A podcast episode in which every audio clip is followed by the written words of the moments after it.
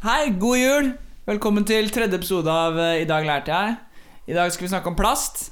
Dere har sikkert fått eh, plastgreier til jul og lurer sikkert litt på hva det egentlig er dere eh, driver og tar på nå. Hva er plast, og hvor kommer plast fra? Og hva har plast betydd for menneskeheten opp gjennom historien? Det er mye rart. Kan folk følge oss på sosiale medier eller ikke? Ja, eh, på IDLJ podcast på Facebook og Instagram. Eller søk på 'I dag lærte jeg'. Ja. Og så vil jeg gjerne at dere sender oss en e-post på post at idlj.no og gir oss en eh, tilbakemelding og et ønske om hva vi kan prate om videre. Ja, det er vel ikke noe mer enn det å si. Skal vi bare kjøre? Vi kjører plast. Hei, og velkommen til en ny episode av I dag lærte jeg. Vi heter Andreas Lykke. og Sindre Alvsvåg. Og i dagens episode av eh, I dag lærte jeg skal vi snakke om plast. Vi skal snakke om hva plast er, hvordan man har fremstilt plast, litt hva, hvordan naturen har plast den også, fra før. Det kan man si. Det kan man si, det skal vi si. Det ville jeg egentlig ikke sagt heller, men eh, vi kan komme tilbake til det. Vi kommer til å lære mer om det veldig veldig snart. Eh, og til slutt så skal vi selvfølgelig snakke litt om hvordan plast påvirker vår hverdag. Ja. Hvor mye plast vi har rundt oss til enhver tid. Eh, og jeg tenker at vi bare gønner på med historie. Og Lykke, det er du som har eh, gjort litt research på plastens historie. Ja, jeg har eh, prøvd å lese meg litt opp på det. Det er jo en ganske fascinerende historie. Det er jo mange måter å, å liksom angripe det temaet plastens historie på. Fordi vi, eh, For det første så kan jeg jo si eh, at jeg har basert meg på en bok som heter 'Plastics History USA' eh, av Harry Dubois. Den kommer du ikke til å få tak i, for den eksisterer i ett kopi på Amazon fra 1972, og den er uh, brukt. Jeg fant den i magasinet til realfagsbiblioteket på NTNU, så hvis du tilfeldigvis er i Trondheim, så kanskje. da. Bortsett fra at jeg har lånt den ut nå, da. Uh, men poenget mitt er at eh, det er mange definisjoner på sånn bare det hva plas plastikk er. Så jeg, jeg skal begynne å snakke litt om disse ordene og sånn, fordi det vi kaller plast i dag, det er jo primært eh, såkalt eh, syntetisk plast, da. Vil si at det er fremstilt kjemisk av eh, i utgangspunktet ikke eh, organisk materiale, da. Altså ikke f.eks. Uh, treverk eller sånne ting. Eh, Nei, stort sett, stort sett basert på olje. Ja. Oljeprodukter. Mm. Eh, så, så kan vi begynne å snakke om Men det er ikke det, det jeg skal si. Jeg, skal, jeg skal begynne å snakke om For det første kan vi begynne å si hva betyr plastisk. For vi, når jeg snakker om plastikk plastikk i dag, så kommer jeg til å snakke om ting som er plastiske. Eh, som er blitt brukt på samme måte som vi bruker plastikk i dag. Uh, ordet plastisk er et adjektiv, og det beskriver da en egenskap eh, som et materiale kan ha, som gjør at den kan lages i en form, eh, og da til Altså du kan bruke denne formen til å ja, forme den, da, til å se ut som eh, det du vil, egentlig. I mosen dette så har du da materialer som man må kutte eller skjære i. Så for eksempel Et godt eksempel på et ikke-plastisk materiale er treverk. For treverk må pusses, skjæres etc. Du kan ikke bare putte ja, ikke sant? Du kan ikke bare putte det i en form, og så har du det du vil ha. Nei, du kan ikke støpe treverk. Nei.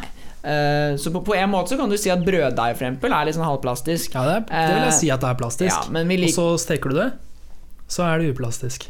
Ja, og det er også en annen egenskap som mange av disse plastiske de gode plastiske materialene vi bruker, vil gjerne ha den muligheten til at det kan bli ikke-elastisk. At du kan på en måte gjøre det stivt igjen. Det er da det blir effektivt, ikke sant. Um, så eh, vi har jo da Altså Tradisjonelle materialer som leire og kitt og sånn også plastiske, men det er ikke helt det jeg skal snakke om. da. Eh, det var noen som prøvde å finne et bedre ord for det vi i dag kaller plast. Eh, de prøvde seg på syntoider. Eh, det slo jo ikke an. Vi kaller det fortsatt plast. Fordi Jeg har det, det ikke var jo, hørt uttrykket syntoider før. Nei, det var begrepsforvirring. Jeg tror det var magasinet Plastics faktisk som drev og snakka om det. Jeg tror Hvis du hadde sagt til meg Shit, der er det en syntoid, så ville jeg tenkt at det er en, eh, noe som ligner på et menneske, men som er lagd av syntetiske materialer. Ja, og jeg tror jeg, Ja, det minner veldig om det ja, Nå skal ikke jeg snakke om, for mye om Fallout 4, for da sitter vi resten av dagen. Ja, Eh. Ja, ikke sant. Eh, men ja. Eh, så før vi hadde syntetisk plast, eh, så hadde vi en del naturlig eh, plastting, da. Altså ting som var liksom plastiske. Vi har jo Tidlig så brukte man jo naturstoffer som man gjorde plastiske. Vi hadde jo naturlig gummi, som vi alle på en måte delvis kjenner til. Og så noe som heter skjellakk.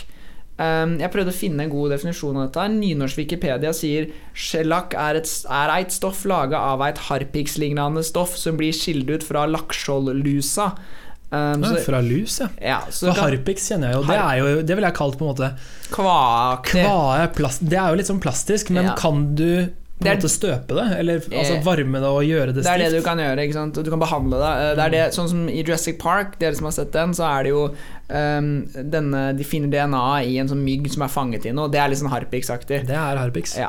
Um, andre ting de brukte, var rav, skilpaddeskjell, papirmasse og da spesielt keratin. Da. Eh, keratin finner vi i hår, fingernegler og spesielt dyrehorn. Um, så er fortsatt eh, den dag i dag eh, ganske ettertrakta stoff, selv om folk uh, For folk jakter jo på neshorn og sånn. Um, de vet ikke at det egentlig bare er det samme som fingernegler, alle sammen.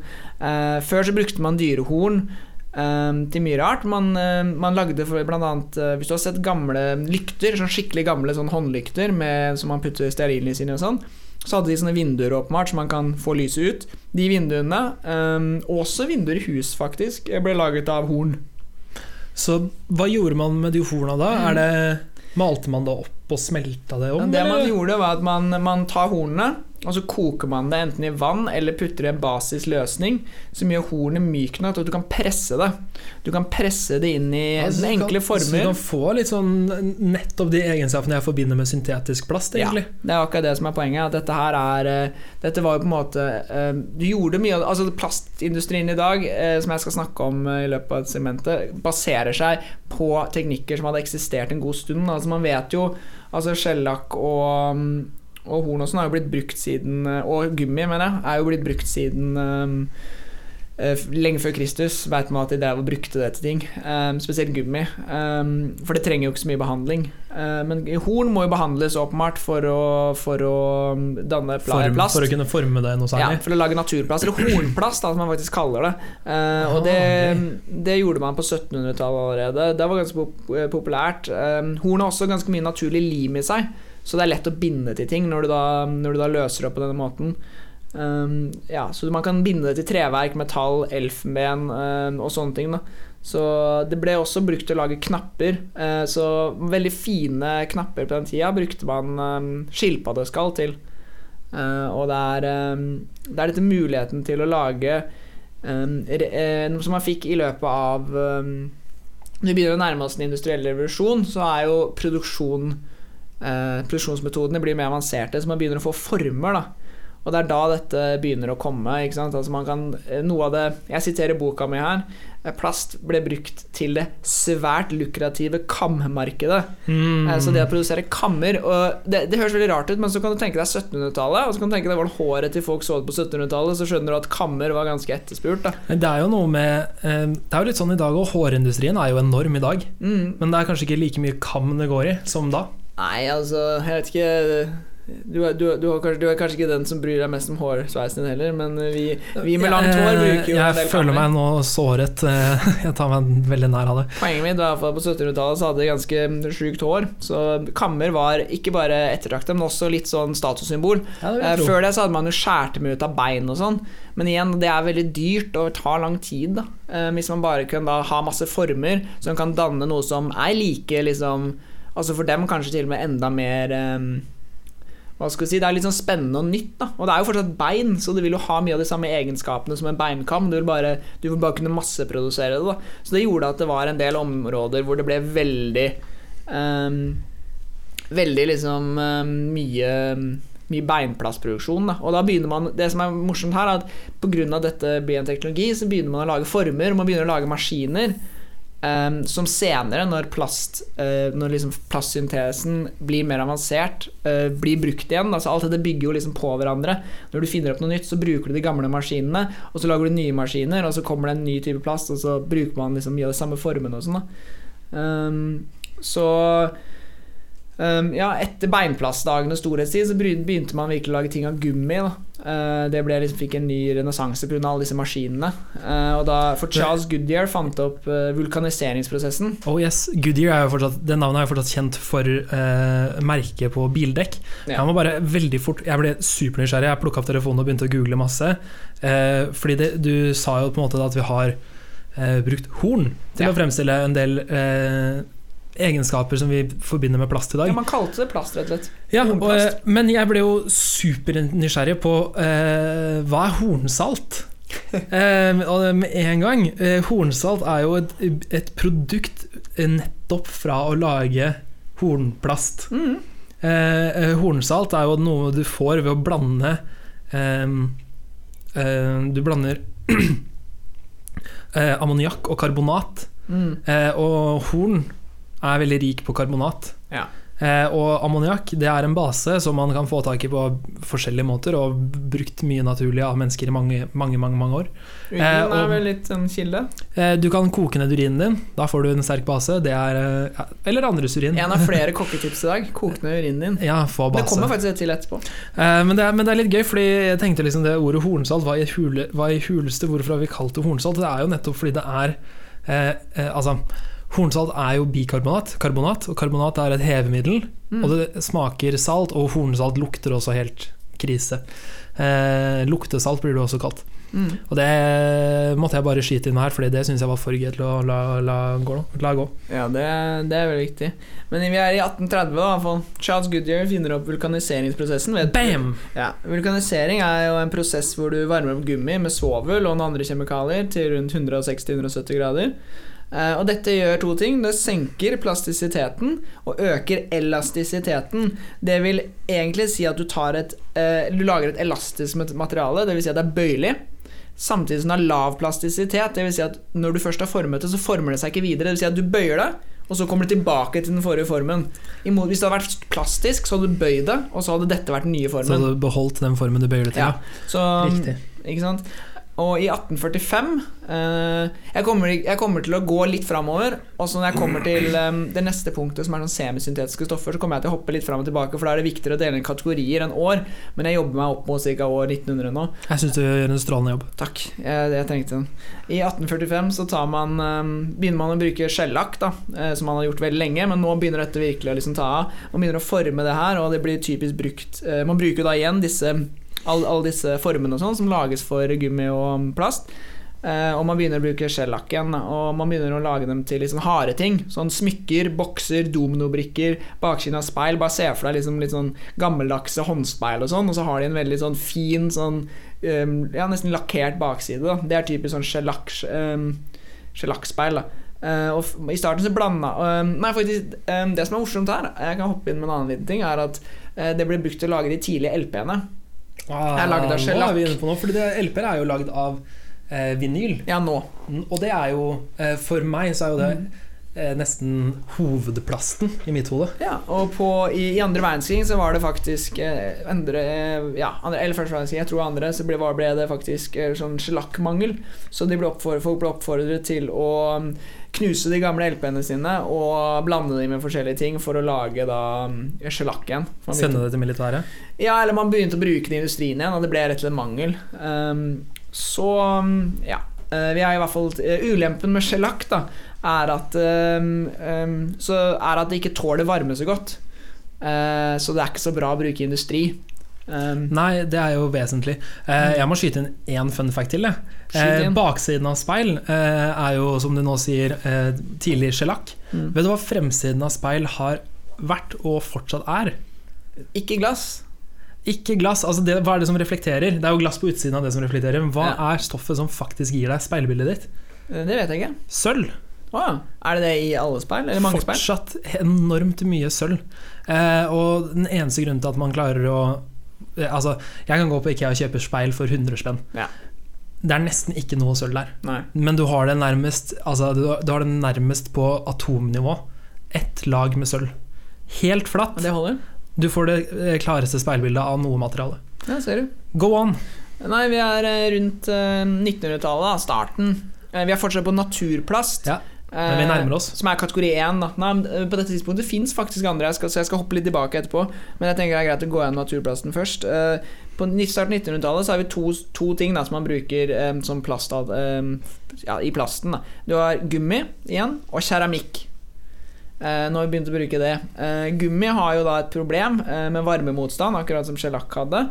Eh, og keramikk det slet med at eh, det var ikke så støtsikkert. Nei, der har du, der har du, i hvert fall fra en kjemikers side, da, Mm. så har du egentlig gått over til en annen liksom, kategori av materialer. Da. Der Mm. du kerame-materialer. Mm, Men det var faktisk det de brukte som eh, Det var litt på en måte man brukte som plastalternativ, da. Ja, for det er, jo, eh, det er jo litt sånn som glass er. Veldig elastisk, plastisk ved, ved temperatur. Ja.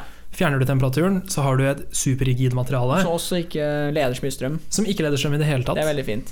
Eh, så det er veldig bra. Og eh, alle som har mista keramikk i bakken, vet jo sikkert at keramikk tåler ikke så mye. Det knuser. Ja, Så da har vi igjen et problem, da. Men så begynner vi å komme inn eh, Nå begynner vi å komme litt sånn semisyntetisk, og da kommer noe som heter kaldformet plast.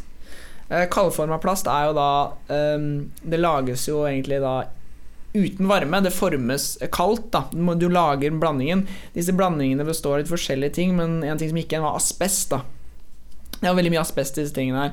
Eh, Asbest har jo da et dårlig rykte på seg, men det, er et veldig, det var et veldig industrielt viktig stoff, og det har veldig mye gode egenskaper. Så hadde det ikke vært for at det er ekstremt kreftfremkallende, så hadde vi kanskje brukt det en dag i dag. Men- du, helt, helt definitivt. mm, Asbest er eh, et av naturens mirakler. Du kan bruke det til ja, altså en, en, en helt uanstendig mengde forskjellige ting. ja. Eh, blant annet å fremkalle kreft. ja, ikke sant. Det er det som er et problem eh, For de som ikke vet hva asbest er, så er det egentlig bare et mineral. Det er et silikatmineral som består av lange fibre. Og disse fibrene er slitsterke og varmeresistente og, og liksom litt plastiske. Og det er veldig mye gode egenskaper med disse fibrene. Varmeisolerende altså, Varmeisolasjon i bygg har jo vært asbest. Ja, Helt til man fant ut det er dårlig. ja, det gir deg kreft. Men det funka veldig bra. Altså, altså sånn, de, de industrielle egenskapene til asbest er jo ikke dårlig i dag heller. Man kunne jo brukt det hvis det ikke var for at det var veldig farlig Ja, man, man, man bruker det faktisk fortsatt, men det er eh, svært begrensa. Og det, det, det, jeg må si da, det som er farlig med asbest, er jo akkurat de, den fine partikkelen Mm. asbest gir når du sager i den. Ja. Det skaper et superfint støv som ser ut som snø. Det blir brukt masse i teater som Mm. falsk snø i mange år. Men det er akkurat det du skal være forsiktig med, for når du puster inn disse Mm. partiklene, så er det av en viss porestørrelse.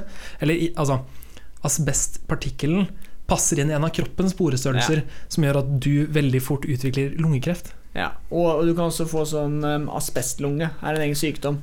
Som ikke nødvendigvis er kreft, men som også er eh, ja, dødelig. Um, så det er nei, fortsatt uh, asbest i sigaretter. høres uh, veldig riktig ut. Uh, the checks out, som de sier. Eh, nei, eh, så disse, disse kaldformede plastene er egentlig som sagt de, det er asbestblandinger av forskjellige ting um, som da eh, eh, blandes sammen. Eh, veldig sånn, det var en veldig skitten prosess, men det funka. Og det, det ble satt i mm, former, eh, og så ble de varmebehandlet etter forming. Da. Eh, så disse stoffene vi fikk da, de er veldig varmeresistente, slitesterke og billige. Har- Billige. Der, du kommer inn på en, et viktig punkt jeg kommer ja, til senere. Ja, ikke sant? For hittil så har vi på en måte all, Alt i plastens historie er jo egentlig dominert av kampen om å gjøre det billig. Ikke sant? Altså, sånn som Horn er jo i seg selv ikke nødvendigvis billig, men det er mye billigere å lage formhorn enn å sitte og slipe det, som jeg sa. Og så Mm. kommer gummien, og så kommer, skjellag- og så kommer det ene og andre bygget på. Og her hadde du da, når kaldformen kom, da ble det, da ble det veldig bra. Da. Det ble brukt til mye forskjellig eh, ting. Det blir brukt til kabler, det blir brukt til sånn håndtak og sånn typisk. Håndtak til stekepanner, håndtak til industrielle, sånn, industrielle håndtak. Veldig viktig. Tåler varme.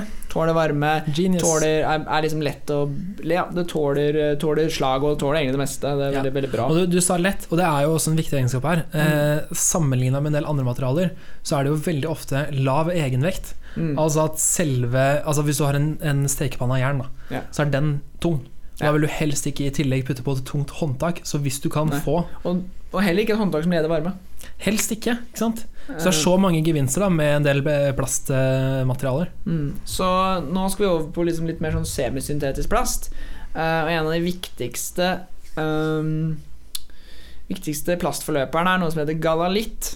Ehm, den er, har en fin, fin historie. Uh, den ble utviklet i uh, 1897 av en som het Adolf Spittler. Uh, eller Unnskyld, hva sa du?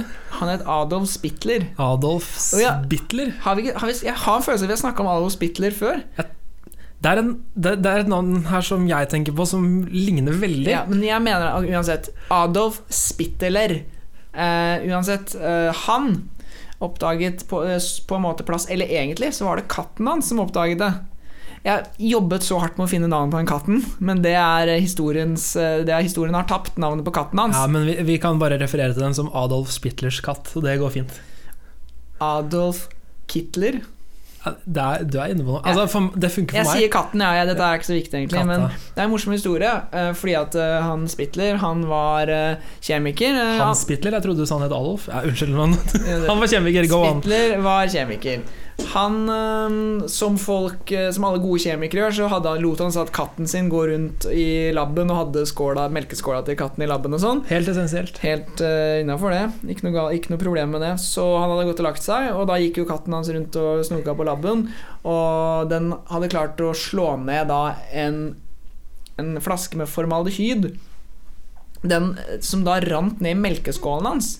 Og når Spitler kom tilbake, så var katten hans død, um, så vidt jeg forstår. Den døde i hvert fall i løpet av denne, disse dagene. Men melken i melkeskålen hadde blitt fast. Um, Ah, det er spennende. ja, og dette Da, det er ikke fordi det hadde blitt yoghurt. det hadde ikke blitt yoghurt, det hadde blitt uh, det som senere blir kalt galalitt, da, som er Det er på en måte kaseinplast, kalles det. Kasein er nemlig melkeproteinet, som utgjør liksom 80% av proteinene i kumelk. Eh, og når du kombinerer dette og formaldehyd, så får du et veldig lett formbart tidlig semisyntetisk plast. Da. Og det ble brukt ganske lenge, um, helt fram til egentlig andre verdenskrigen. Men da valgte man å gå litt vekk fra det, for man ville redusere bruken av melk. da fordi at man, Det var rasjonering på melk, og da, Right. valgte, da prøvde man å finne andre alternativer. Men de brukte næring, galalitt. Næring Eh, er også viktig. Mm, De brukte galalitt så sent som 60-tallet i Brasil. Det er gøy. Det er en veldig fin plast, eller spesielt vakker. eh, Som sagt litt sånn melkeaktig utseende også. Jeg føler at det ser ut som en perle. Ja, Det kan stemme litt perlemoraktig. Ja. Ja. Det, er, eh, det blir brukt primært til å lage knapper. Eh, Det som er morsomt med galalitt også, at du kan lage galalitt selv hjemme. Ganske lett, egentlig.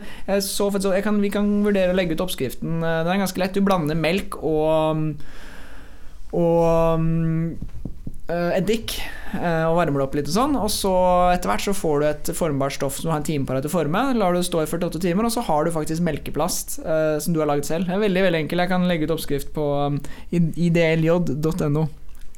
idlj.no. I dag lærte jeg, står det for. idlj.no. Ja, dette er jo episode sju, så jeg regner med kanskje jeg har fått med alt, men uh Er det episode sju? Jeg bare sa et eller annet, jeg. Nei, det er faktisk episode seks, tror jeg. Men uh, det, som er så Ok. gøy, det som er så gøy, vi vet ikke ennå. Vi får se. Uansett, eh, så eh, under andre verdenskrig så droppa man eh, denne kasinplasten, galalitten, og gikk over til å bruke plast som var lagd av lignin. Da. Det er et organisk stoff som man får av Det er liksom overskuddscellulose fra liksom, treverk. Det er, det er et overskuddsmateriale fra trevirke, og det, blir fortsatt, det er fortsatt en av Norges største Norge er europaledende på eh, produksjon av ligninderivater, altså materialer som er basert på lignin. Mm. Og det er eh, Borregaard, den store fabrikken hjemme i Sarpsborg, som står for den produksjonen. Sarpsborg, folkens. Kom og besøk oss. Ja. Eh, så, nå skal, det var par, så det var en periode her da hvor de drev og lagde plast til en og andre. eh, blant annet da For dette er jo under andre verdenskrig, så vet man jo på en måte Da har man jo syntesplast plast også, som jeg skal snart komme tilbake til. Men det var bare morsomt å gå an de forskjellige tingene man liksom gjorde i industrien. da Altså Man lagde jo ligninplast, um, overskuddscellulose. Eh, en annen ting som jeg synes var litt morsom, var at de prøvde å lage plast Eller de lagde plast og produserte det av soyabønner.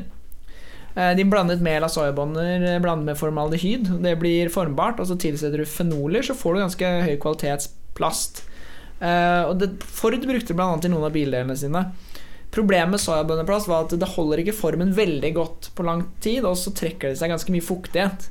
Eh, Så det er ganske, det er ganske ugunstig. Eh, Ja, Det som er typisk for materialer som har en eh, evne å absorbere fukt fra lufta, eller eh, fukt fra eh, vann, hvis det blir Mm. sølt f.eks.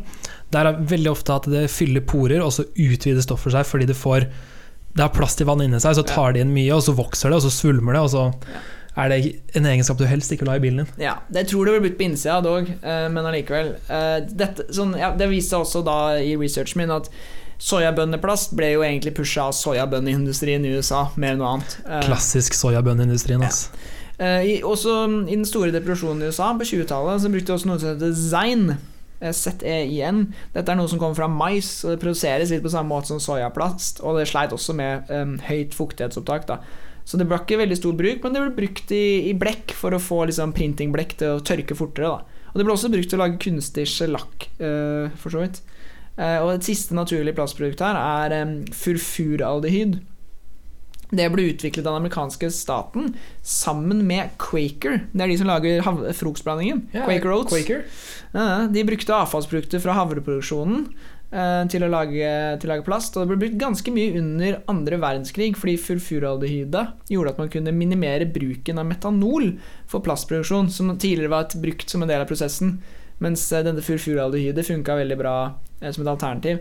Eh, hva, bruk, hva, tror, hva brukte man egentlig metanol til under andre verdenskrig? Det tipper jeg du veit. Eh, det som er med alkoholer og aldehyder, da, det er to kjemiske typer forbindelser. Mm. Hvor den ene lett kan føre til den andre. Så jeg vil anta at man brukte metanol som en forløper til eh, altså metanaldehyd. Ja, altså ved å bruke furfuraldehyd så sparte du forløperen, ja. Ja, og aldehyder er eh, Aldehyder har en veldig god egenskap i å polymerisere, som er eh, den kjemiske måten å fremstille plast på, og også naturplast. Mm. Polymerisering er helt essensielt. Ja, eh, vi skal Har du lyst til å snakke litt om polymerisering nå? Så kan vi hoppe tilbake til historien etter hvert. Eh, jeg vil gjerne at du tar og kommer inn på syntetisk plast først. Ok, men da går vi tilbake til eh, For det jeg har gått gjennom nå, er da eh, såkalt naturplast. da Det er basert på naturstoffer. Basert på melk, soya, Ja. mais, hvete, Ja, eh, Lignin. bein, sånne ting. bein. Så nå, vi, nå hopper vi litt tilbake og skal til 1857 og skal vi se litt på semisyntetisk plast. En ve veldig viktig tidlig plast var celluloid, eh, som bl.a. ble brukt eh, som nitratcelluloid eh, ble brukt i film, altså sånn eh, film, filmruller og sånn. Det ble produsert egentlig i starten for det var ganske lite gummi tilgjengelig. Eh, og som jeg sa, gummi var et veldig populært materiale, så man prøvde å lage et alternativ. Så en som heter John Wesley Hyatt, han brukte masse tid um, på, og ressurser på å finne den riktige kombinasjonen av cellulosenitrat og kamfer. Uh, og han fant den riktige kombinasjonen, og det ble til et stoff som han valgte å kalle celluloid. Da. Det var lett å produsere, det tålte masse, og det var fargerikt. Så han brukte da den eksisterende produksjonsteknologien, eh, inkludert eh, som han hadde brukt i gummi og skjellakk og de tingene der. Eh, og så kombinerte han det med hardt arbeid og kreativitet, og endte opp med et gigantisk industrieventyr og et svært firma som heter The Celluloid Company. Hvis dere søker opp den basen dem, så får du bilde av et veldig svært område. Og, det var, og plastikkindustrien ble virkelig liksom eh, Det det ble hett da eh, når det Celluloid Company og celluloiden ble, ble pusha. Når var det Og- du sa de starta 1850-aktig? 1857 ca. Ja, okay. ja det, det henger på Så vi er, noen, vi er noen år før syntetisk plast der. Ja, ja. Eh, og mange mener at de maskinene og prosessene som ble utvikla for å produsere nettopp celluloidprodukter, kanskje er viktigere enn selve celluloiden. Fordi eh, eh, celluloid er jo da den første semisyntetiske plasten. Dvs. Si den er kjemisk fremstilt, men av eh, noen naturlige ingredienser. Og, og, og det var veldig mye maskiner som ble produsert nå for, for å liksom lage andre ting da, av celluloid, og for å produsere det, og kjemien rundt det. Og det er, man er jo inne på altså, er vi fortsatt, det er, Dette er såpass langt tilbake i tid at uh, man, var, man var på en måte litt sånn Man var ikke like spesialist som man er i dag. Mm. Man, ville ikke vært, man kan fortsatt ha en, eh, en eh, master i kjemi, eller tilsvarende, Mm. men man ville også vært mye mer avhengig av å på en måte eh, produsere sine egne maskiner for å få den effekten man ønsker. Ja, og utviklingen av de i, til et stort industrielt formål, Mm. det, det har formet vår verden på mange måter. Ja, mange kjemikere var jo også oppfinnere. Ja, det er Eh, helt og- klart. Det, det, det var på en måte Det som fortsatt er en del av kjemien i dag, er jo eh, å, å finne opp eh, nye former for glass som du Mm. kan gjøre reaksjonen din i. Ja. Fordi formen eh, kan ofte ha noe å si på hvilken reaksjon du ønsker å høste. Det er ganske spennende. Så ja, eh, celluloid eh, Altså han Hayet, da, han som lagde cell- eh, celluloid, han endte jo faktisk opp med å produsere over 250 patenter, og har sett på som en, en av de store oppfinnerne da, i Ja, det, denne er, det perioden. er. Han lagde biljardballer, falske tenner, eh, kulelagre, vannfiltreringssystemer og sånn. En viktig ting som eh, er, ganske, er jo da at denne celluloiden var det første man kunne bruke til å lage Eller man begynte i stor grad å lage av pianotangenter. Uh, som tidligere hadde blitt brukt elfenben. Så jeg tror elefantene var sikkert ganske glade for det her. Da. Og det er vel man får elfenben fra andre steder òg, men det er ikke Det er en industri vi prøver å komme litt vekk fra nå. Elefant. Så elefantene var glade for han. Uh, og han samarbeida med en ingeniør som het Charles Burrows. eh, og de utviklet eh, maskiner for behandling og forming av cellulose. Og det var disse som senere ble brukt til da å produsere mer moderne plast da, på stor skala. Så dette var første gang du virkelig liksom, i full skala industriell revolusjonen er liksom slått innover verden, og du har, du har litt strøm, og du har det ene og andre, og nå begynner virkelig å plasteventyret å ta av. da Eh, og disse maskinene og celluloidens egne egenskaper de tillot masseproduksjon av særdeles kompliserte former. Og det inkluderer pyntegjenstander og, og leker og sånn. Og det er jo, du er jo helt inne på Altså Med en gang man bikker 1900-tallet, så skjer det en del ting i industrien, og det er at man går over til noe som Ford fortsatt har anerkjennelsen for, og det er jo på en måte å ha eh, produksjonen på et belte. Mm. At man istedenfor eh, istedenfor at du Lykke får beskjed om å lage en bil, og du går og setter sammen en bil fra start til slutt, så lager jeg, lager jeg hjula, og så lager du karosseri, ja. og så Mm. Lager en annen fyr en drivaksling, og så blir det bare satt sammen da, på, på bånd, og du får så enormt behov for å masseprodusere ting. Ja, du må produsere lenge, Og hver hver disse personene er jo avhengig av deler som er forhåndsprodusert Yes. også. Og de, dette er her, da. Og her kommer jo plastindustrien inn. Ikke sant? Og, det, og plastindustrien, det, og det her er jo på en måte Det å forme plast er jo egentlig på mange måter det samme som å forme metall. Ja. Eh, og har blitt brukt Veldig mange av de samme metodene brukes og ble brukt og brukes fortsatt i dag for å lage den ønskede formen du trenger. Da. Eh, og i nyere tid så har vi jo begynt med 3D-printing for Ja. å få til enda mer kompliserte former. Mm. Det er ganske spennende. Uh, og på, når celluloidproduksjonen var på topp, så produserte de 40 000 tonn hvert eneste år. Uh, og celluloiden hadde også en egenskap som gjorde at den kunne være gjennomsiktig. Uh, det er jo derfor den kunne bli brukt i film, blant annet. Eh, men den ble brukt som eh, ruter i vogner og tidlige biler. Som sagt, denne T-Forden som Ford lagde, hadde cellulosevinduer. Nice. Men det er en ganske er en god fun fact. sorry, jeg sa cellulose. Jeg mener så celluloid. Celluloid. Skal ikke se Do not uh, Det er, det er vanskelig å ikke blande alle begrepene. Celluloid i hvert fall er jo som sagt Det er masse bra egenskaper. Det er flotte farger, vannfast, lett å bruke, lett å produsere, pent å se på.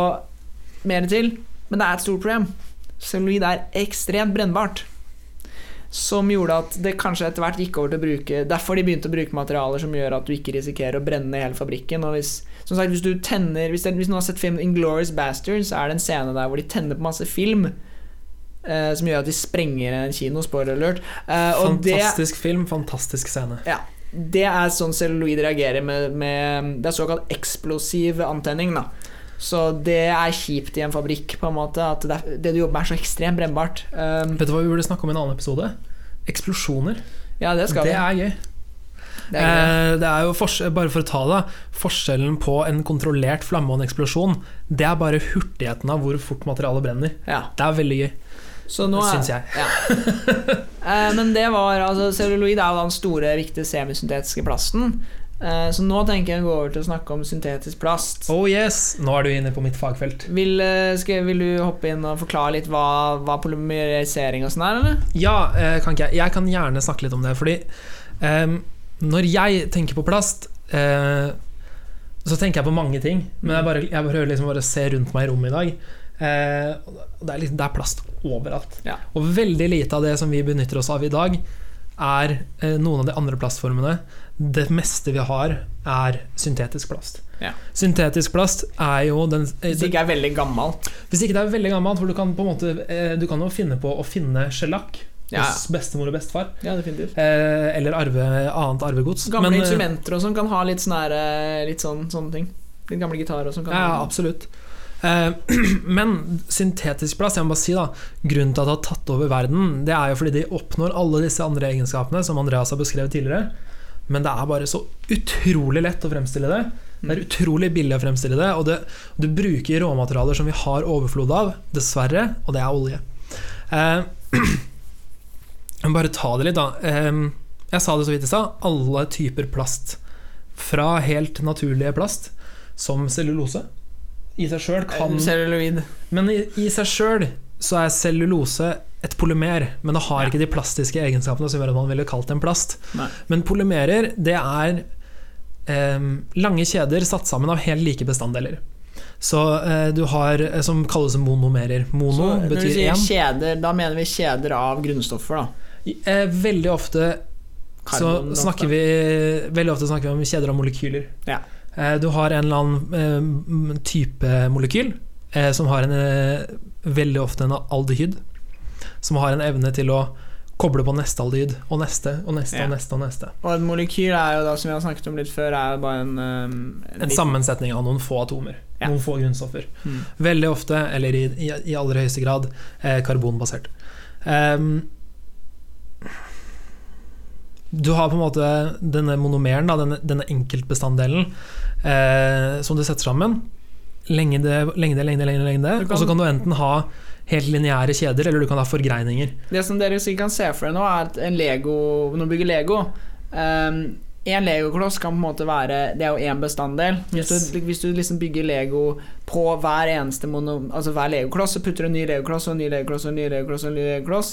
Uh, det er litt sånn polymerer der, da. Det er helt riktig, og hvis hver legokloss er en monomer, et, Mm. eh, et, en byggestein, en, en, en grunnsten, da, eh, så kan man bygge kjeder av disse legoklossene.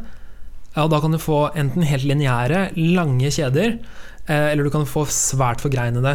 Eh, og forskjellen på lineære og forgreinede er ofte at hvis du har veldig lange lineære kjeder, og mange av de tett sammen, så får du noe som er veldig plastisk, veldig lett å Eller til og forme. med flytende, kanskje. Eller til og med flytende. Og det, eh, Fett er jo polymerer. Fett er jo også en polymer. Det er veldig mange polymerer som er flytende.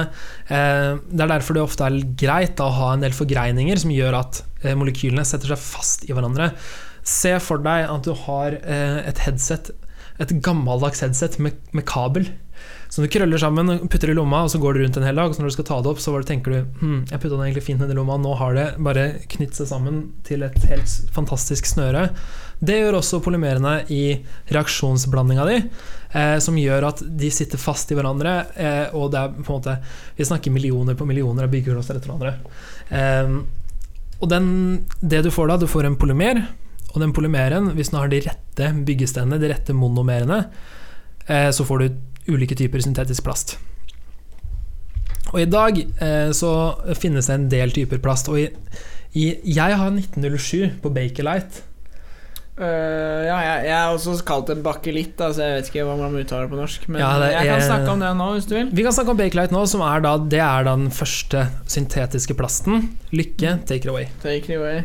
Ehm, nei, ehm, så ja, som du sier, Bakelite, da, hvis det er sånn vi uttaler det. Det er i Ehm, hvert fall Altså, det heter jo Bakelite etter at oppdageren, oppfinneren, kalte det det. Leo Bakeland het han. Han Så det. han oppkalte etter det sjøl.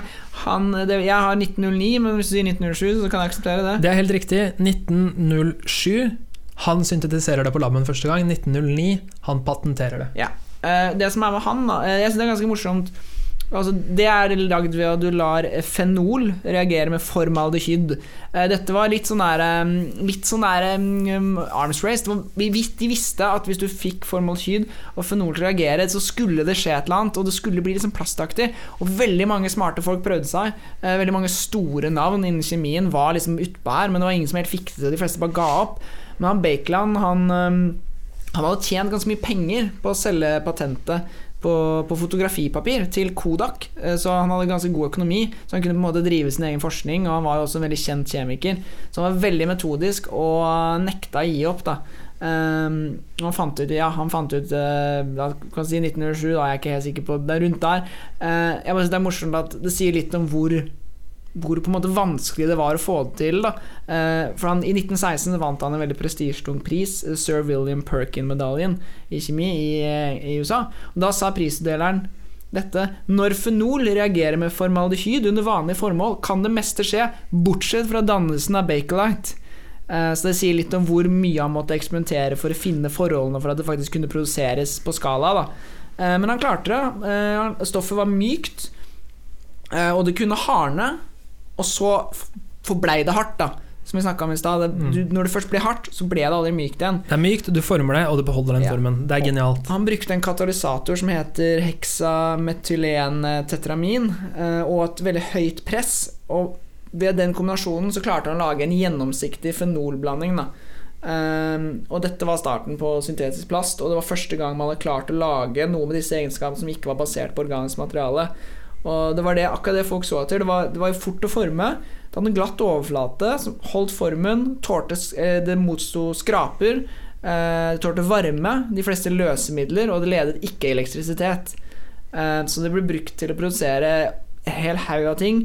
Produserte mye sånn telefoner, radioer, kameraer, gammeldags elektronikk, men også mer tradisjonelle eh, plastprodukter. Da, og Du kan egentlig snakke hele dagen om, om bare Bakelite, men det gidder jeg ikke. Men jeg må ta bare, fordi du var, veldig, du var inne på det, veldig mye eh, brukt i forbindelse med elektriske ting. Mm. Det, er jo, eh, det er jo fordi plast har en, eh, mange viktige egenskaper, men en av det er at du kan forme det eh, på Altså du kan, du kan produsere det i stor skala, men du kan ta ut veldig små bestanddeler og forme det veldig eh, smart og enkelt.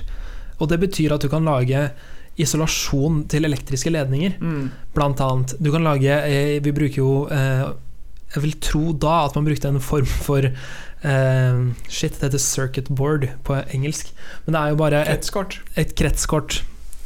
Det er et brett av plast, eh, og på det så har du mange, mange, mange, mange, mange små vaiere som du kan putte og flytte på. Men de er ikke i kontakt med hverandre fordi de er skilt med plast. Ja. Det er ingen strøm som hopper over til feil sted, og det gjør at du kan etter hvert da begynne å lage ganske kompliserte elektriske eh, komponenter til f.eks. telefoner. Mm. Eh, vi kan snakke om litt eh, Nå kan vi gå videre bare kjapt gjennom resten av den syntetiske plastens historie. For nå er på en måte Herfra og ut så er det ganske sånn streit. Nå veit vi at du kan liksom syntetisere plast, og det er på en måte det man prøver å gjøre. da Eh, Det første er eh, man gjør eh, faktisk egentlig i 1872, så egentlig før Bakelite hadde man faktisk klart å lage PwC, men på det tidspunktet så det ikke så man ikke helt plastpotensialet i det. da Så det var først i 1926 at det ble um, som plast som vi kjenner i dag. Vil du snakke litt om hva man bruker PwC til? Rør, tannhjul, veldig tynn innpakning, eh, esker, matbokser Altså, det er en veldig, veldig kjent hard plast med glatt overflate. Mm, typisk sånn Hvis du tenker på et plastrør, så er det typisk PwC. Det er alltid PwC, stort sett. Ja, Og det er. PwC, polyvinylklorid. Ja, Det, er en, eh, det er en fun fact fra meg.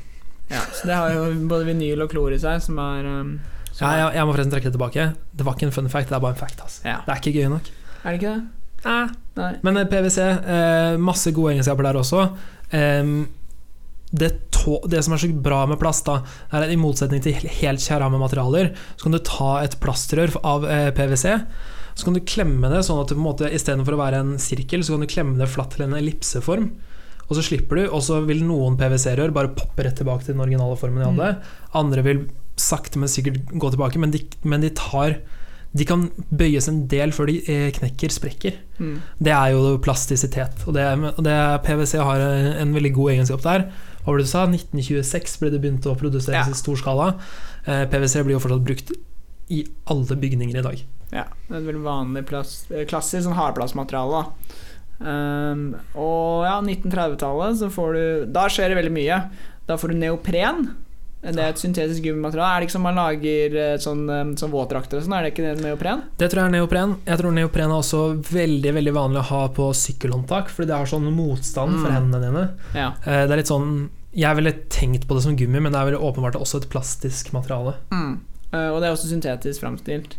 Det, ja, ikke sant? Jeg har jo til og med skrevet ned Det er et syntetisk gummimateriale. Right. Så det er gummi ikke lagd av gummi, da. Ja, nettopp. Fordi For gummi er jo et, en plante, men det ja, er også gum, gummi er ekstrahert fra en plante, folkens. Det er litt viktig å ha med i bakhodet. Gummitre, ja, ikke sant? Det, no, det var det første man brukte, det vet man at man brukte i Mellom-Amerika for uh, hvert Nei, i um, Sør-Amerika for hvert fall 4000 år siden.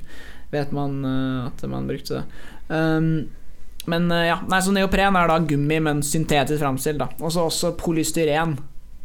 Um, som, hva er det man bruker det til? Det i? Nei, eh, altså, polystyren brukes til veldig mye. Mm. Eh, og det er, der har du på en måte Nå begynner man å komme inn på eh, en viktig del innen syntetisk fremstilling av plast, og det er at man har forskjellige tilsetningsstoffer som gir ulike egenskaper. Så polystyren blir brukt til alt fra klær til rør. Mm. Altså Polystyren ha- har en fleksibilitet Mm. ved at man kan tilsette masse forskjellige stoffer til reaksjonsblandingen når du fremstiller polystyren, eh, og få masse forskjellige egenskaper ut i andre enden. Mm.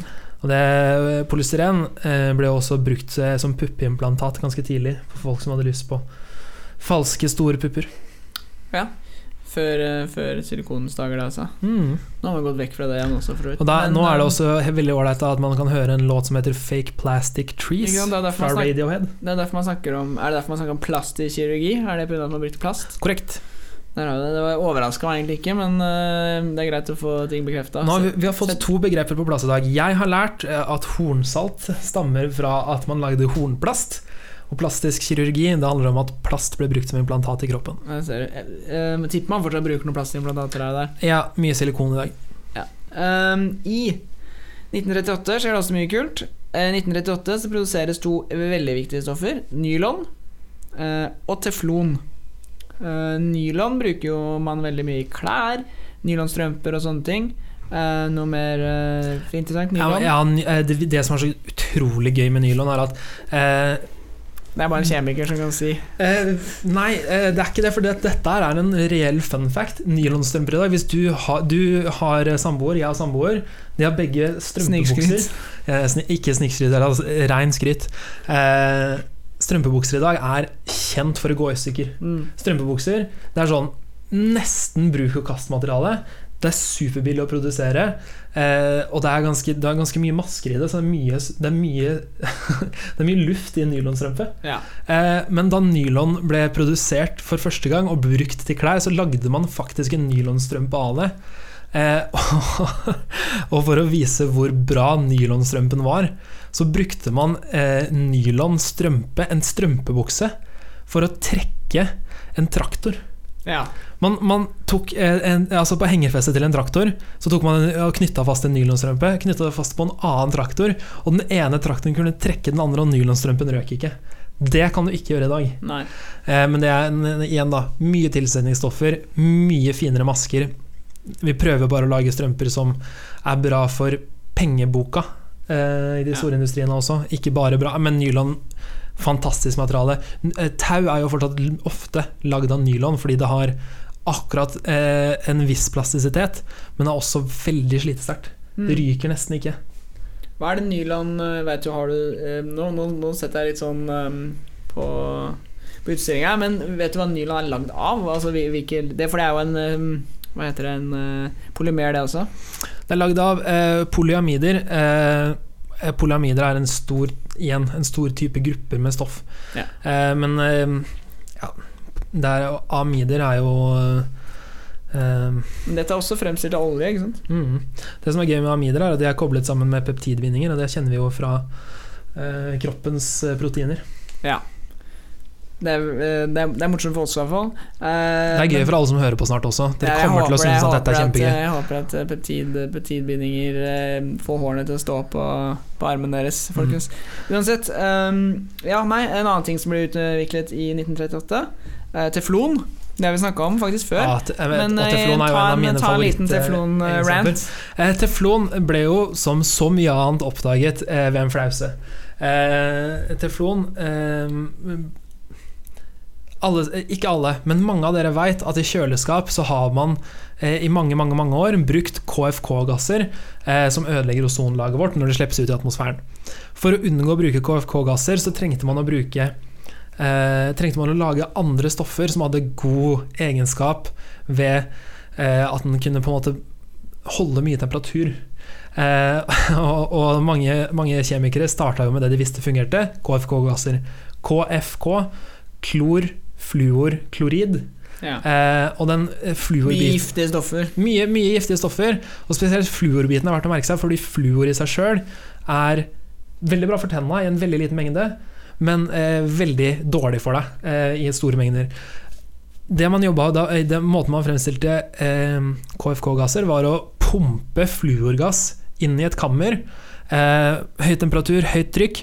Bare la dette blande seg, så vil fluor eh, hoppe på forbindelsen. Og fluor, når det først binder seg, så binder det seg knallhardt. Det man gjorde, var jo eh, å Man hadde jo masse fluor på lager, for man var jo vant med å lage KFK-gasser. Det ble eh, forbudt på verdensbasis. Så man hadde fortsatt masse fluor, visste ikke helt hva man skal bruke det til. I dag brukes det fortsatt til å lage utrolig mye teflon. Og teflon er eh, Det er et eh, Det er et eh, Ikke et polyester, men det er et eh, poly... Eh, Det er det man bruker. polyeten. Ja, det er det man bruker nonstick panner, er det ikke det? Ja, blant annet. Og eh, det er et polyeten, men i polyeten så har du bare to grunnstoffer, karbon og hydrogen. I teflon så har du byttet ut alle hydrogen med fluor. Ja. Og hydrogen og fluor de har inverse kjemiske egenskaper. De er, på, nå er det, nå er det mye Nå blir det hardcore kjemi her. de er på hver sin side av det periodiske eh, system. Altså, hydrogen har én pluss ladning, fluor har én minusladning. Men når du sier inverse kjemiske egenskaper, hva er relevansen av det i forhold til at man bruker det i nonstick panner og sånn? Eh, hydrogen binder til karbon, eh, og det bindes eh, passe hardt. Mm. Fluor binder knallhardt.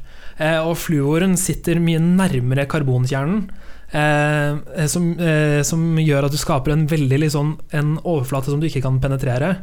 Eh, og når du klarer å legge det som et belegg, og det var jo sånn man oppdaget det Man Ja. pumpa eh, fluorgass inn i et rom hvor man hadde etengass. Og da man kom tilbake etter en stund, så hadde det dannet seg et helt hvitt belegg på innsiden av eh, denne sylinderen som man Mm. i. Det er teflon. Eh, og det belegget skjønte man fort at det tåler høy temperatur. Relativt høy temperatur, 250-300 grader aktig. Mm. Eh, akkurat litt for lav temperatur til å steke biffen din helt ordentlig, i, mine, i min personlige mening. Mm. Eh, men, eh, men dog veldig bra for stekepanner. Og man har jo da den der eh, Første gang så har man et sånt belegg som, man, som har på en måte ingenting reagerer med det. Det er en Mm. overflate hvor du kan Du kan lagre alt fra baser til syrer til fett. Det bare legger seg oppå. Mm. Teflonsylinderen kan holde det igjen. Ingenting reagerer med det. Ja. Og i dag så På laben så bruker vi fortsatt teflonkork. Altså Når du skal korke en flaske, så bruker du en kork av teflon. Ja. Nettopp fordi den ikke reagerer med noen ting. Det gjør i utgangspunktet ikke glass heller, men teflon har litt plastiske egenskaper. Glass har ikke det. Glass sprekker, teflon bøyer seg. Det er helt fantastisk. Mm, så det er i 1938, altså. Så det er jo ganske gammelt stoff. Men i 41 så kommer jo på en måte noe Altså det jeg, altså mange kanskje si husholdningsplastene alle husholdningsplaster, altså PET, PET, polyetylen Polyetylen terftalat? Ja, det, det er noe sånt. talat, i hvert fall. Um, det er det er veldig jo- vanskelig. eh, ja. F-talater. PET har et par kule egenskaper. PET er jo uh, det nesten alle flasker um, og mykplaster, fotografisk film og sånne ting eh, blir lagd av PET. Altså colaflaska di er mest trolig lagd av det. Eh, mye av dette er fordi at eh, PET er rangert på det høyeste nivået av gjenbrukbarhet, nivå 1. Dvs. Si at det er veldig resirkulerbart. I motsetning til mye plast. Da så er det sånn eh, PET kan brukes om og om igjen. Mm. PET er eh, Og når, du- når du snakker om gjen... Hvordan ville eh, du uttalt det der? Eh, eh, Polyetylen tereftalat. Det er ikke eh, den, Så kjemis, nesten- den kjemiske strukturen er enklere enn Ja. å uttale det. Eh, men det som er når du snakker om eh, gjen, eh, gjenbrukbarhet, da, så handler jo det om at i plastflasker i dag så smelter du det jo ned Ja. til at du har eh, Du er tilbake til bare en liksom flytende blanding av ny plast som ikke har farge eller tilsetningsstoffer. Altså det, det er PET, vi er tilbake til liksom kjernen. Du kan forme det på nytt, eh, og veldig lite damper av eller forsvinner eller brenner opp da, i den prosessen, eh, i motsetning til mye annen plast. Um, ja, ikke sant. Det kom i 1941. 1950 så begynner masseproduksjon av polyester. Også et stort uh, stoff. Du har det på deg. Ja, så en fleecegenser. Polyester, Typisk polyester. Veldig Mm. mye klær, sånn, super, sånn superundertøy som ikke er av ull. treningstøy. Nesten alt treningstøy som er sånn Det har stretch-egenskaper. Eh, det er pustende. Det har liksom eh, Det er litt tynt, det er lett. Det klør ikke. Veldig ofte en form for polyester. Mm. Eh, og i 1965 så er det den siste liksom, nye plasten som er veldig, veldig kjent. Da. Eh, det er kevlar, som vi også har snakket om. Eh, kevlar er jo en karbonforbindelse som brukes bl.a. i skuddsikre vester. Da. Det er der det er klassisk. Det er der jeg har hørt kevlar før, i hvert fall. Ja. Kevlar vester. men det er jo rent teknisk sett et plastmateriale. Ja, og det og eh, inneholder alle de viktige egenskapene som man trenger for når, du, når du blir skutt i en skuddsikker vest, så kommer det et prosjektil mot deg i veldig veldig høy hastighet.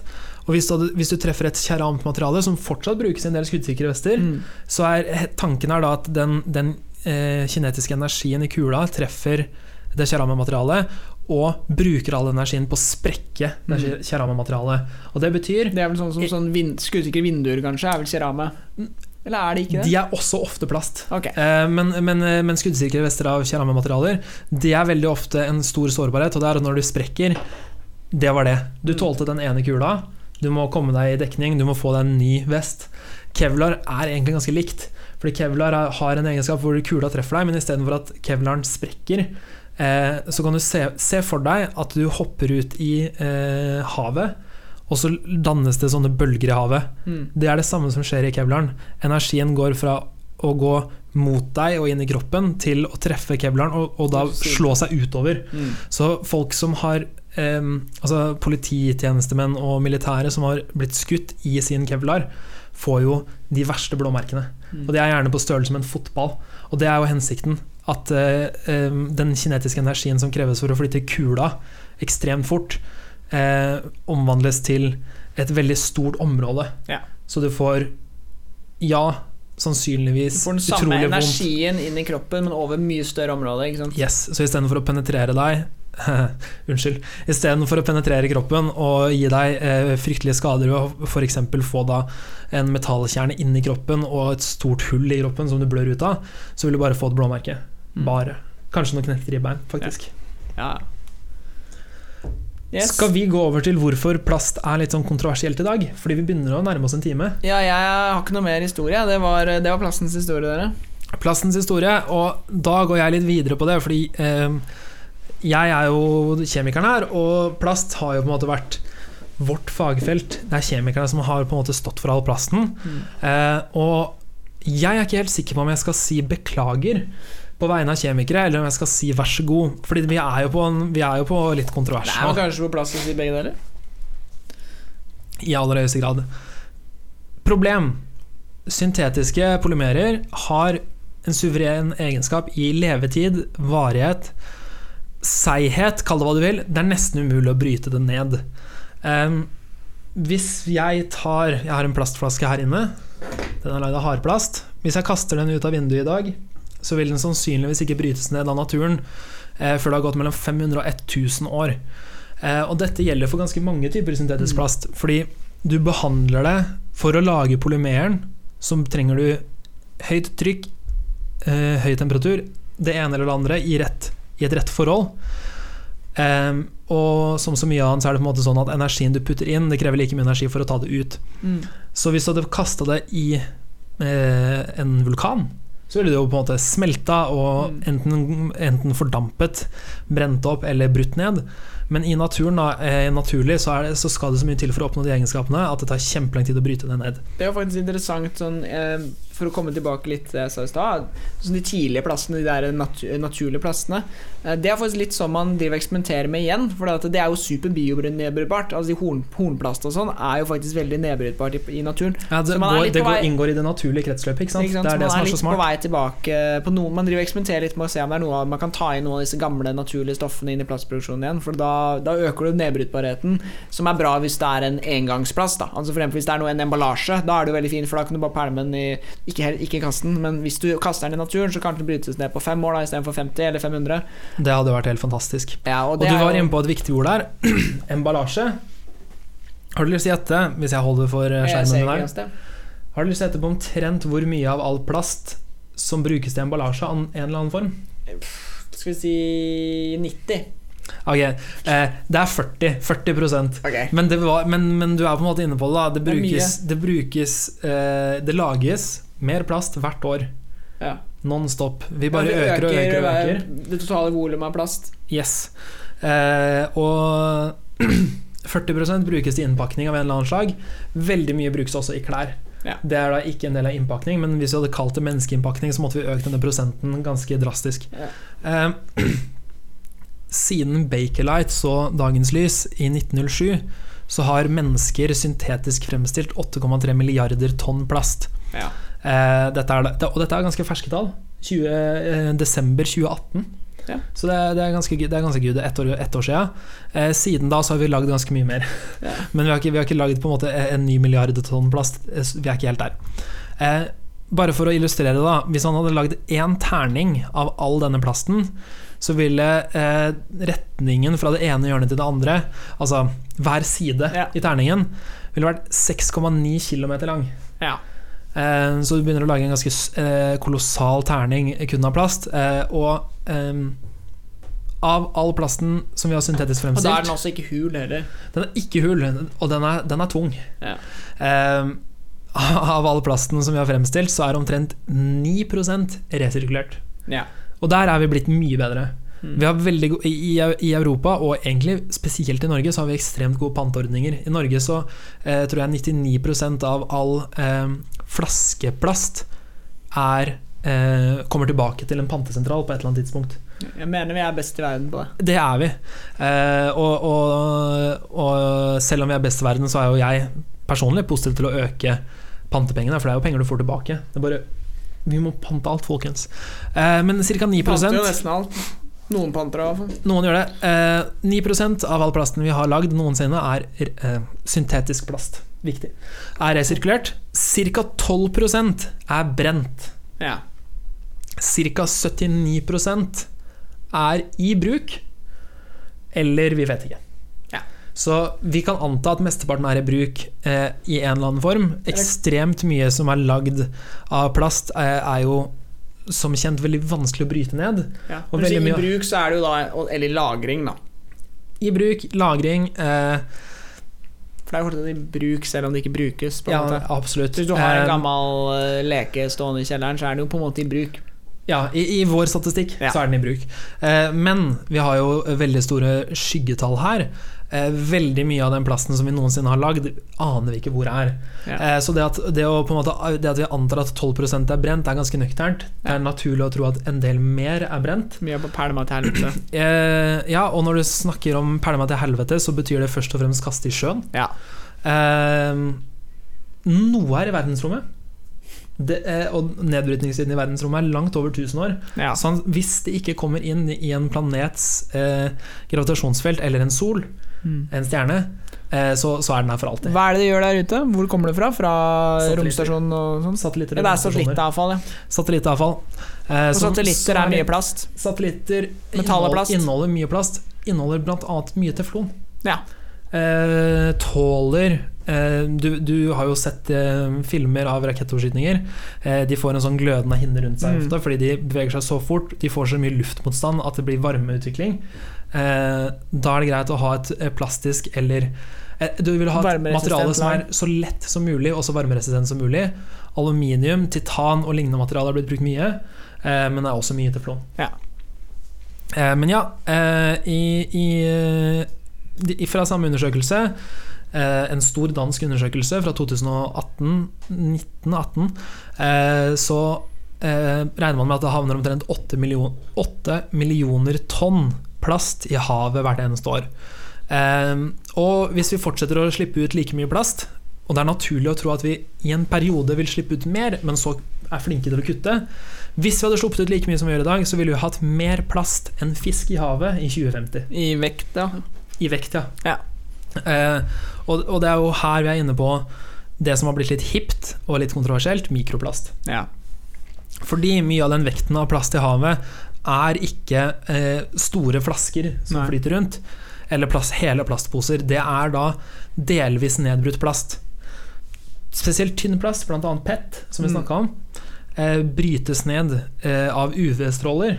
Og sol, sol solstråler inneholder en del UV-stråler. Ja. Eh, så, Mye hvis du, energi. så mye energi, eh, og hvis du slipper da plast ut i havet, så flyter det ofte opp til toppen.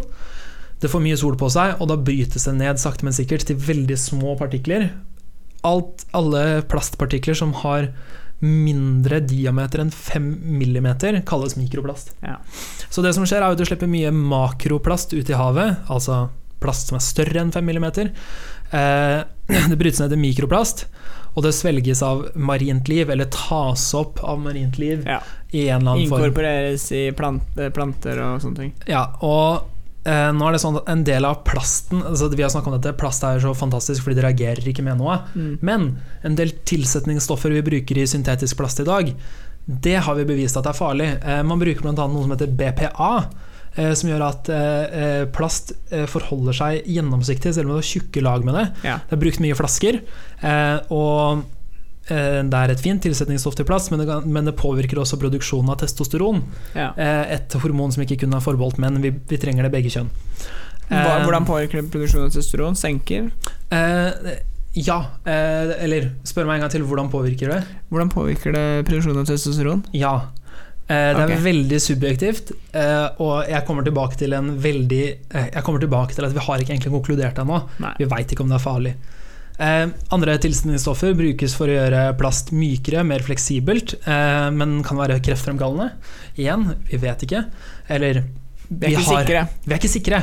Eh, ting ting sånn- indikerer at det kan være kreftfremkallende, men vi vet ikke om, om innholdet i mikroplast er kreftfremkallende. Altså, det er jo sikkert noen som hører på skriker til radioen, eller hva det er de hører på nå, men jeg bare sånn, dette er greit å minne dere på innimellom, at vi er liksom vitenskapsfolk, og i vitenskapen så er det, vi, er det vanskelig å si at det gjør noe. Du kan si at det kan virke som at noe skjer, men det å skulle konkludere med noe er litt sånn Det skal mye til da i vitenskapen. Så hvis dere hvis, Vi prøver ikke å liksom hvitmale mikroplast her, vi bare sier at hvis ikke han har store nok, gode nok studier, så skal man egentlig ikke si at noe gjør noe. Nei, um Tenkte på er greit å nevne. det er veldig greit å nevne, og det er Så du ikke får litt sånn uh, bæsj på døra. Fordi det som er, det som er da, er det eh, Veldig ofte så jobber man med å bevise alt det ikke er. Ja? Det er veldig, veldig mye enklere. Um, men ja, um, tilsetningsstoffer kan være kreftfremkallende. Det er ikke bevist at opptak i mennesker via mikroplast via spising eh, er kreftfremkallende, men stoffet i seg sjøl er kreftfremkallende. Eh, så? Vi vet ikke egentlig. Men ja, mange av dere har sannsynligvis lært om næringskjeden, og det, da vet dere at en del av de stoffer som ikke brytes ned av kroppen, hoper seg opp. Konsentrasjonen av eh, stoffer i, som lagres bl.a. i fettvev i fisk eh, og andre marine eh, planter og dyr. Lagres også i fettvev hos mennesker. Riktig. Og uh, ulempen med fettvev i mennesker, eller eh, også i fisk, men ulempen eh, i mennesker er jo at hvis vi får kreft, så syns vi det er ordentlig kjedelig. Ja. Eh, hvis min fisk har kreft, så kan det hende at jeg ikke syns det er så farlig. Ja. Det blir, det blir, jeg føler at jeg er i en sånn debatt her jeg ikke har lyst til å ta. Eh, men ja, vi må ta det litt, eh, fordi det er litt morsomt. Plast er overalt rundt oss hele tiden til enhver tid. Eh, BPA, tilsetningsstoffet som gjør at flaska di er gjennomsiktig, eh, blant annet, da, finner man rester av i 93% av alles urin. Mhm. Så du, du, eh, både du og meg, høyst sannsynligvis. Ja. Vi har det i oss rundt oss, eh, men det er ingen grunn til panikk. For det, da, iallfall. Ja, men det, det er ingen grunn til panikk, fordi vi vet ikke egentlig helt. Eh, og når man ikke vet, eh, så skal Vi man bør jo ha verken litt mild plastpanikk, sånn generelt sett. men vi burde, vi, eh, som du sa i stad, vi burde ikke hvitmale det, vi burde heller ikke svartmale det. Vi burde ha en sunn skepsis, Ja. som til en del andre ting. Eh, for det som er litt synd, er at vi ennå ikke vet hvor, eh, hvor mye små mengder av mikroplast i vår næring betyr for oss mennesker. Men én ting er helt sikkert. Vi har syntetisert eh, plast i over 100 år, eh, og det har skjedd en del ting som vi absolutt ikke planla siden det. Eh, Vi visste aldri at, den, at produksjonen av plast skulle bli så enorm som den er i dag. Mm. Det, har, det omgir oss på alle kanter, vi bruker det hele tiden i alt. Eh, og det har skyggesider, og det har åpenbart positive sider. En tredjedel av all verdens mat som blir produsert, havner aldri på noens tallerken. Det kastes. Eh, og hadde det ikke vært for at hver eneste paprika som jeg kjøper på Rema, er pakka inn i sin egen plastfilm, så ville vi kasta mye mer. Og det er på en måte Det er opp og ned, ikke sant. Eh, for en del år siden, eller kanskje også i år, så har veldig mange um, boikotta plastposer. En Mm. del butikker har økt avgiften på plastposer, sånn at man sier at eh, ja, plastposen koster fortsatt én krone, men du betaler tre. To av de kronene går til Regnskogfondet. Ja. Lignende tiltak. Man lager også av litt mer sånn bionedbrytbar plast og sånne ting også. Man gjør også det.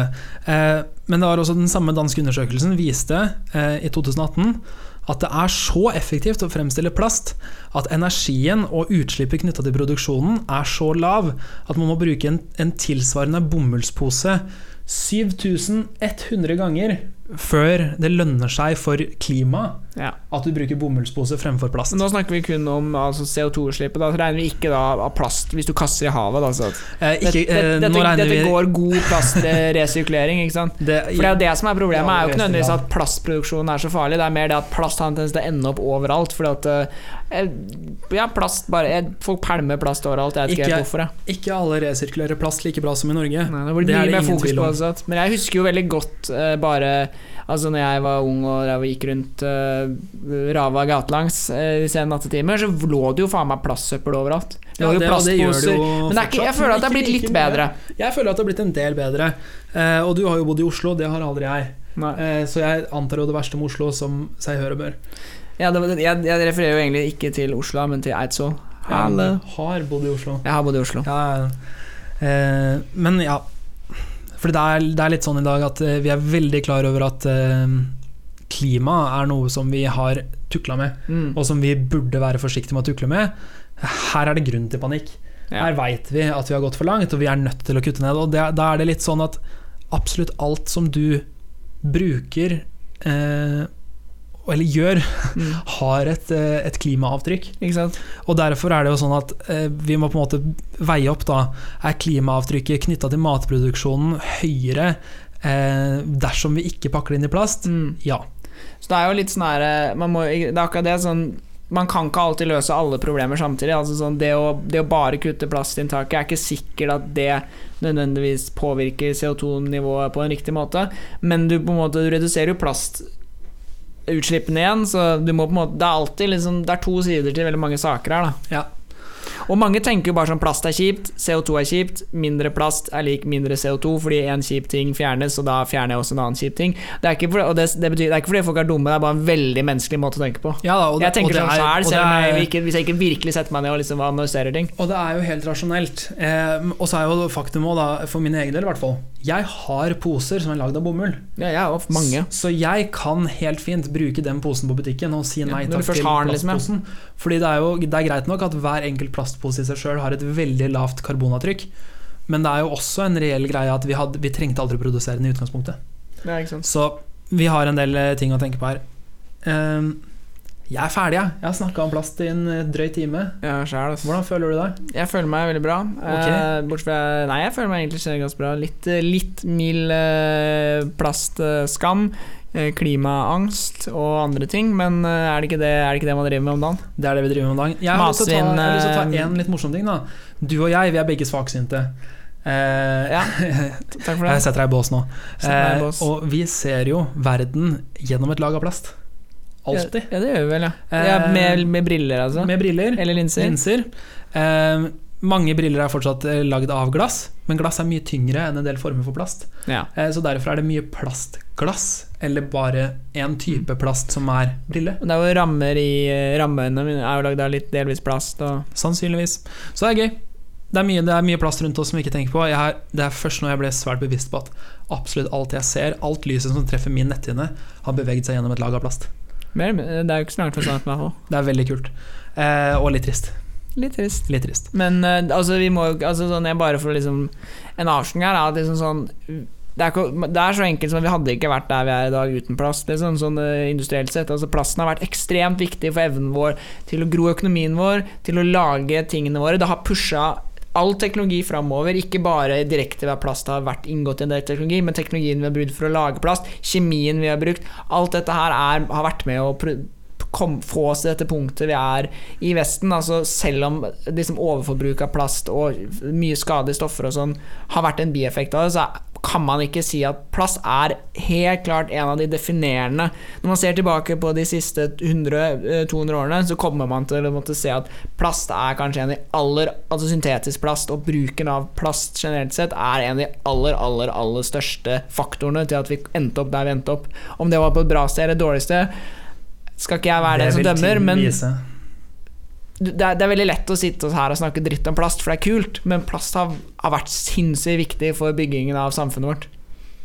Og det er, og, vi- og det er liksom vi, er- vi kommer til å introdusere et nyhetssegment Men- etter hvert, men det er jo Resirkuler plasten din uansett. Er. Resirkuler plasten din. Eh, og det er jo sånn vi som, du, sånn som du har nevnt, og som jeg også er, er veldig fan av, er jo eh, vi, vi kommer ikke unna. Vi har behov for plast, Mm. men vi har kommet veldig mye lenger på å lage plast som er naturlig nedbrytbar. Og plast som vi klarer å resirkulere på en ordentlig og effektiv måte. Og det er eh, Norge er generelt ekstremt god på resirkulering. Vi har eh, aluminium, som er eh, 99% gjenvinnbart, og vi har plast. Som, er, eh, som noen plasttyper er helt der oppe og snuser på å være 100% fornybare. Kan jeg bare bli litt sånn political i sånn 15 sekunder? Go for it. her?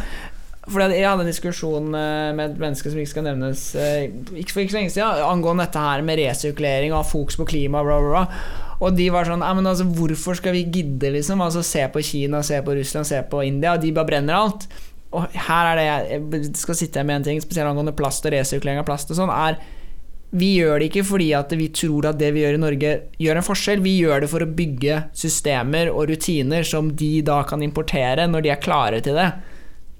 Det er det eneste jeg vil si, egentlig. Det er veldig bra, det. Og det må bare si, det er den samme grunnen til at vi fortsatt er verdensledende på oljeutvinning. Vi trenger ikke utvinne mer olje. Vi har flere titalls milliarder norske kroner i vårt oljefond som ville eh, kunnet eh, gi oss den samme velferden i mange år fremover. Hvorfor forsker vi fortsatt på, og hvorfor pumper vi fortsatt olje opp? Andre deler av verden er helt avhengig av det. Og vår teknologi, den norske teknologien på olje, er så god at er, eh, det er en mer klimavennlig måte. Der den har mindre utslipp knyttet til selve pumpingen. Det er viktig for verden. Vi er ikke, vi er ikke klare for å kvitte oss selv med olja. Mm. Olje brukes bl.a. til å fremstille nesten all plast. Det blir, og, og gummi. Og gummi. Det blir vel en oljeepisode en dag? Det blir vel en oljeepisode en dag. Og med disse ord så vil jeg eh, spørre deg, hva har du lært i dag? Jeg har lært mye. Jeg har lært eh, at man eh, lagde plast av horn. Det syns jeg var veldig gøy. I dag lærte jeg eller, I dag lærte jeg I dag lærte jeg at eh, katta til Adolf Stitler eh, var en av de viktigste kjemikerne vi har hatt opp gjennom tidene. Det, det var min hoved, eh, hovedlærdom. Rest in peace. Rest in peace. Katta til Stitler der, altså. Og med disse ord så sier vi Eh, adjø og takk for oss. adjø og takk for oss.